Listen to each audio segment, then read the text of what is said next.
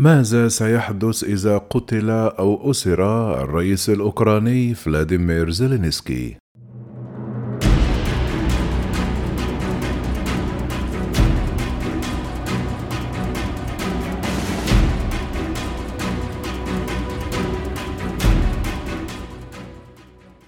لا شك أن حضور زيلينسكي وخطاباته التحفيزية من العوامل الرئيسية في الحفاظ على الروح المعنوية للجيش الأوكراني وشعبه.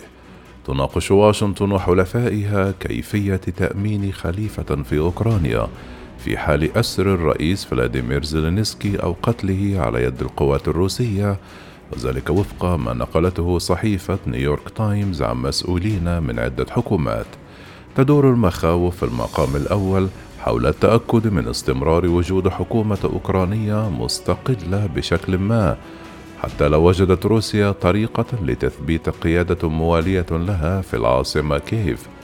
يقول مسؤولون غربيون أن الاعتراف بزعيم مستقل سيساعد في منع أي قادة مدعومين من روسيا من اكتساب الشرعية. كان حضور زيلينسكي وخطاباته التحفيزية من العوامل الرئيسية في الحفاظ على الروح المعنوية للجيش الأوكراني وشعبه وقال المسؤولون إنه من المهم الاستمرار في ذلك. يأتي التركيز على تأمين خليفة زيلينسكي جزئيا في وقت لم تتضح فيه هذه القضية في دستور أوكرانيا ولأن زيلينسكي نفسه قال أنه لا يريد مغادرة البلاد. ورغم التقارير الإخبارية تقول نيويورك تايمز أن المسؤولون الأمريكيون ينفون عرضهم إجلاء الرئيس أو نصحهم له بالمغادرة. قد أشارت الحكومات الغربية بعزمه على البقاء والقتال بينما تحاول القوات الروسية التقدم في جميع أنحاء البلاد. ولن تعترف الولايات المتحدة وبريطانيا والاتحاد الأوروبي بحكومة تنصبها روسيا.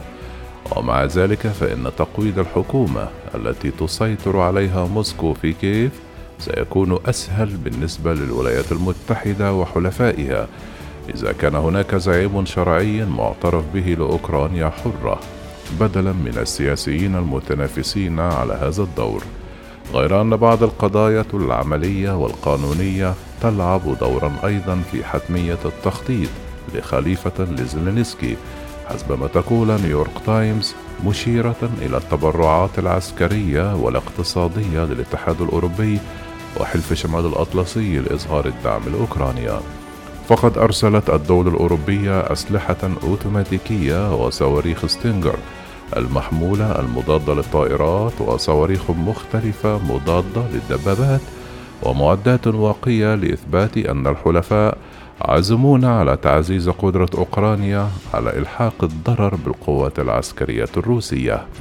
وتوضح الصحيفة أن استمرار هذا الدعم العام أسهل بكثير مع وجود حكومة فاعلة تقبل المساعدة.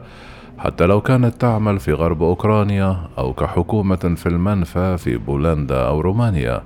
وخلال الأسبوع الماضي ركزت المناقشات المكثفة في البيت الأبيض والاجتماعات المغلقة في الكونغرس على كيفية تقديم المساعدة لأوكرانيا إذا استولت روسيا على العاصمة. وتخطط الإدارة حاليا لمواصلة إمداد الأوكرانيين بالأسلحة علنا. وفي هذا السياق أعلن وزير الخارجية الأمريكي أنتوني بلينكين الأحد أن بلاده تعمل جاهدة للتوصل إلى اتفاق مع بولندا لتزويد أوكرانيا بطائرات حربية. خلال زيارة إلى مولدوفا قال للصحفيين لا يمكنني التحدث عن جدول زمني لكن يمكنني القول أننا نتعامل مع الأمر بشكل نشط جدا. تشير نيويورك تايمز إلى أنه كلما طالت فترة قيادة الجيش الأوكراني النظامي المعركة ضد روسيا زادت احتمالية تمكن أوكرانيا من الاحتفاظ بالسيطرة على كل أو جزء من البلاد.